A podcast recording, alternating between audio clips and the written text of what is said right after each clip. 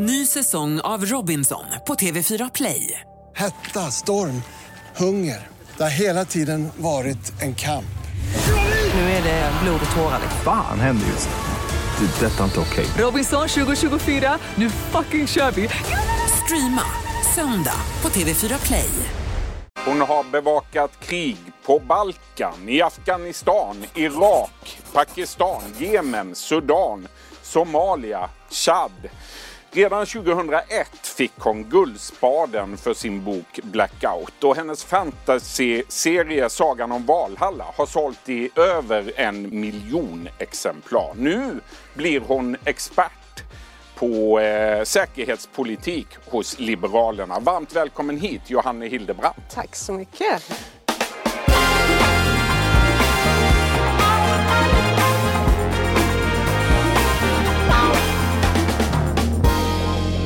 Ja, Johanne, igår kom alltså beskedet att du har fått ett nytt jobb åt, hos Liberalerna. Ja. Hur kommer det sig?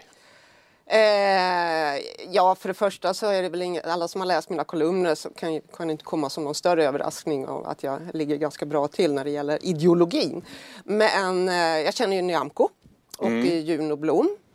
Och eh, innan Nyamko blev eh, vald till partiledare så satt vi och pratade och eh, då sa jag att ja men om du, om du blir partiledare då kommer jag. Sen skrev jag en bok som, och dagen efter jag mejlade iväg kontraktet så ringde de. och då kom erbjudandet ifrån, var det Nyamko som ringde eller? Ja, för, för, ja alltså för, jag fick det i omgångar kan man väl säga. Mm. Men jag sa ju att jag var tvungen att hålla deadline. Mm. Du, vad är det för bok du har skrivit då? Det är en eh, roman som är byggd på en sann historia. Jag skriver det tillsammans med en annan person. Och den handlar om eh, ryskt spionage i Sverige på 2000-talet. Oerhört spännande. Ja, när, får vi, när får vi läsa denna? I höst. I höst. Kul! Du, eh, du är inte medlem i Liberalerna idag. Varför då? Nej, jag har precis skickat, skickat iväg mitt manus och börjat jobba. Du har jobba. inte hunnit ansöka Nej. om medlemskap. precis. Men du, eh, vilket parti röstade du på i senaste valet? Ah, inte faktiskt eh, Liberalerna. Nähä? Nej, men annars brukar jag göra det. Annars brukar du göra det? Men du vill inte berätta vilket parti du röstade på i nej, senaste valet? Nej, nej. Du, en av de första frågorna du ska jobba med nu då eh, för Liberalerna handlar om terrorhotet mot Sverige. Hur sannolikt skulle du säga att det är att vi kommer att drabbas av nya terrordåd i Sverige? Vem, vem, vet? Jag vill ju helst ge ett korrekt procent när du ställer en sån fråga. Mm, nej, det går ju inte. nej, det går ju inte. Men det är ju definitivt möjligt. Hotet är överhängande, skulle du säga det? Ja, vi får väl se vad, hur det hela utvecklar sig här. Och det är väl en, en, sak som jag, jag ska börja titta på. Och det är ju väldigt konstigt hur Sverige har betett sig när det gäller IS-resenärer till exempel.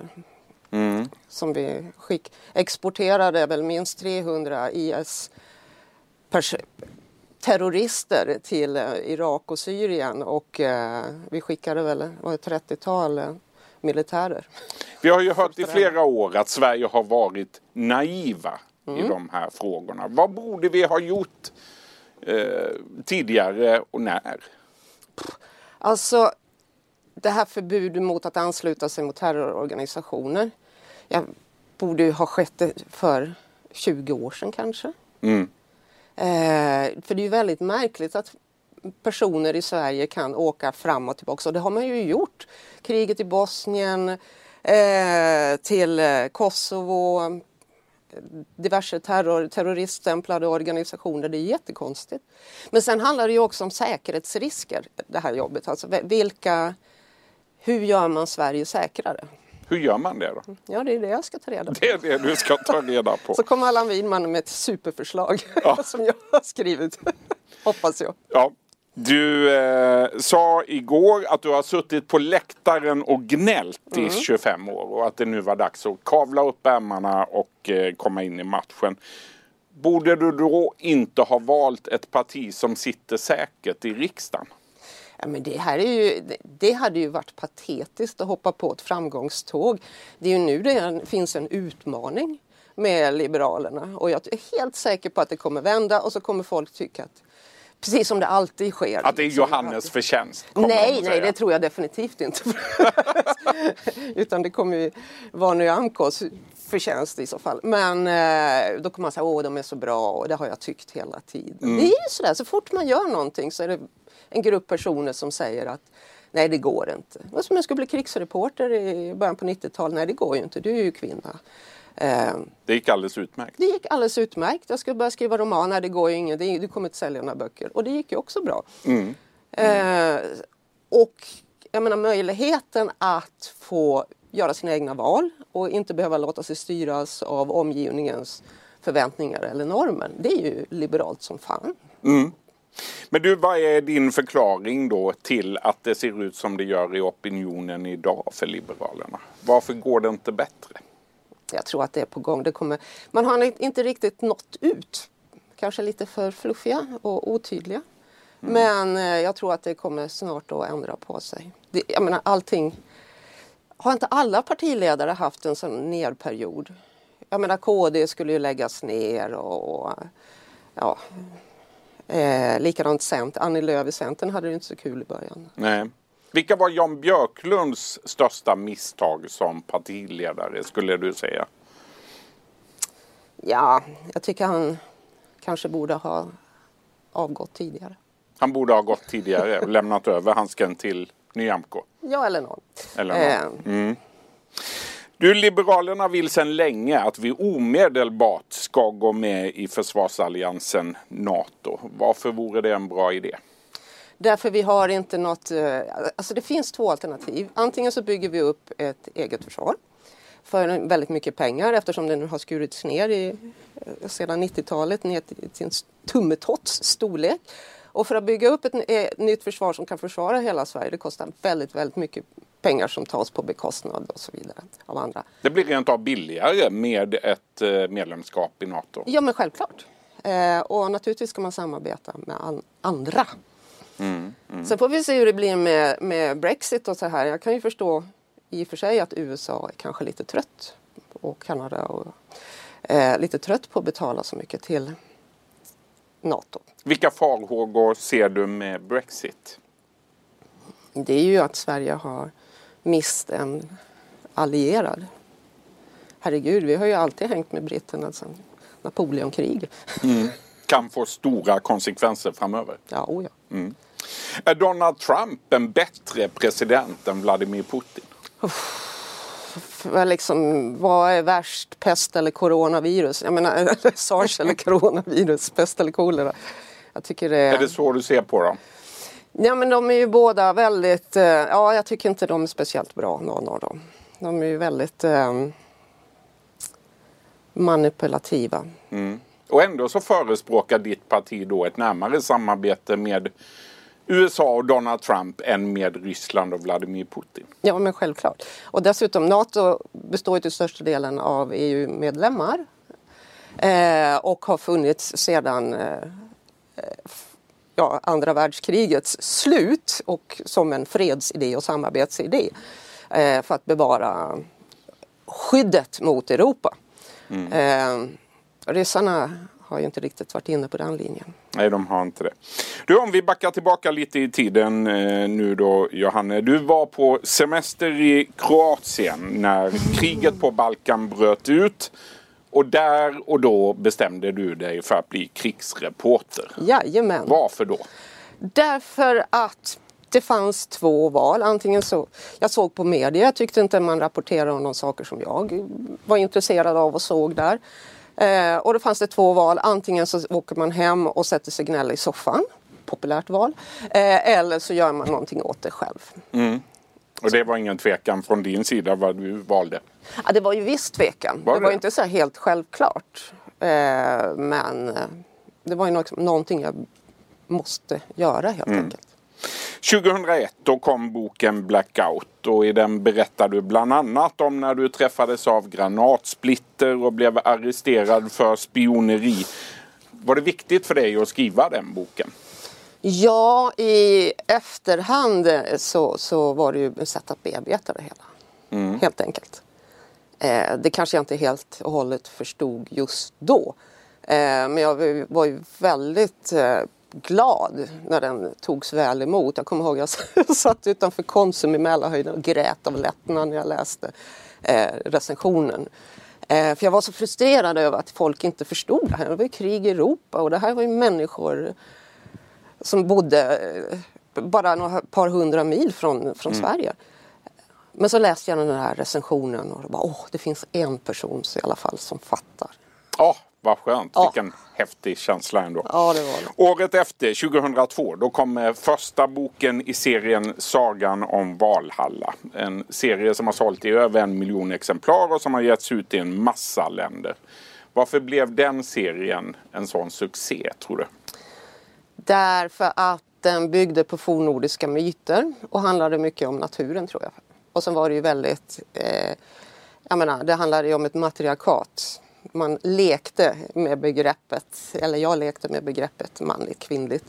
Och den, så det var, det var ju en powerbook för kvinnor kan man mm. säga. Varför kom den idén till dig? Och, eh, kan du berätta hur, hur dina känslor gick? För då hade du ju då hade du ju varit i krigssituationer, du levde i eh, dagens krigssituationer och plötsligt så backar du då flera hundra år tillbaka i tiden. Ja men jag gjorde faktiskt aldrig det. För att jag menar, allting började när jag var 12 och läste Iliaden och du kan ju fatta hur många kompisar jag hade på den tiden.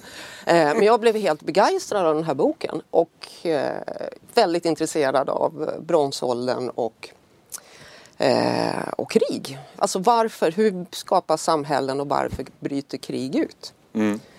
Eh, och har sökt, eh, så jag har sökt svar på det här ända sedan dess. Så att efter jag har, jag menar, när jag åkte ner till Balkan då kände jag ju igen de här karaktärerna från Iliad. Ansvarsfulla Hector och de här slyngorna Kildes och så vidare. Eh, så att för mig var det jättenaturligt att skriva om någonting, alltså värna om våra fornordiska myter, vår historia helt enkelt. Mm, mm. Bara det faktum att Sverige var så tjuriga och liksom höll emot kristendomen så länge är värt att fundera över. Och, och berätta om en, en helt annan, skriva om historien helt enkelt. Mm. Några år senare, 2007, nominerades du till Stora Journalistpriset för din rapportering från Irak. Hur stort var det för dig? Det var jättestort. Det var det, det är klart. Mm. Eh, nu vann jag ju Du vann inte med nomineringen. ja, men det är ju ett erkännande. Ja, det var superstort. Ja, jag var lycklig då. Mm. Sen kom eh, romanen Älskade krig och 2010 gav du ut boken Krigare där du skildrade livet för de svenska soldaterna i Afghanistan. Du hade bott tillsammans med dem i Afghanistan i ett halvår. Mm. Hur var det? Jag följde, följde dem från inryckning till utryckning. Jag följer mm. dem fortfarande. Du följer dem fortfarande? Som en stalker. Nej, nej då. Eh, men, ja, men det var jättebra. Eh, skälet till att jag åkte ner och, och, skrev den boken det var att jag var frustrerad. Det mesta jag gör beror på att jag var frustrerad över att folk inte förstår. Det är saker som jag förstår, tycker mig förstå. Eh, men det var också att rapporteringen eh, var väldigt ytlig och ingen visste egentligen vad de hade gjort trots att Sverige hade varit där sedan 2002. Mm. Vad fick du för reaktioner på boken då? Det blev alltså i början, jag hade ju ganska många mot mig som eh, från vänsterhåll som att ja, men hon följer, hon berättar om, om varf, hon berättar om eh, svenska soldater så hon måste ju vara en krigshetsare. Det var så jättekonstigt. Jag menar, alla andra länder har rapporterar från, från sådana insatser. Men eh, sen när den kom blev den jättebra. Eh, förra ärkebiskop KG Hammar, han tyckte den var en fantastisk bok och då blev det liksom tyst från det hållet. Mm. Vad sa soldaterna då som du skildrade i den här boken? Att det var precis som de själva hade upplevt. Mm. Och det är ju, mm, nu, är, nu är jag jättestolt över att den citeras i doktorsavhandlingar. Och så blev jag invald i Kungliga krigsvetenskapsakademin också. Just det, en otroligt fin och eh, ovanlig Eh, får man väl säga. Den första kvinnan i avdelning 1 sedan Så var det. 1796. Sen 1796. När de startade. Plötsligt hände det. Så Du, det då var... kände du dig ganska hedrad. Ja, inte, inte så ganska bara. Jag var oerhört hedrad, verkligen. Ja, häftigt. Du, eh, tillbaka till uppdraget för Liberalerna då. Innebär det här att eh, det inte blir eh, något mer tyckande från din sida i skriven form? Eller kommer vi att få läsa fler kolumner? Kommer vi Nej. att få fler böcker? Böcker, ja. Böcker, ja. Men inte kolumner. Jag kan ju inte vara en oberoende kolumnist om jag jobbar som Men du finns i sociala medier fortsatt. jag tycker det blir svårt att hålla sig Mm. ifrån. Ja, jag menar det. Stort tack för att du kom till vår studio idag, Johanne Hildebrandt. Tack för att Tack. jag fick komma. Du har lyssnat på en podcast från Expressen. Ansvarig utgivare är Klas Granström. Ny säsong av Robinson på TV4 Play. Hetta, storm, hunger. Det har hela tiden varit en kamp. Nu är det blod och tårar. liksom. Fan händer just nu. Det. är Detta är inte okej. Robinson 2024, nu fucking kör vi! Streama söndag på TV4 Play.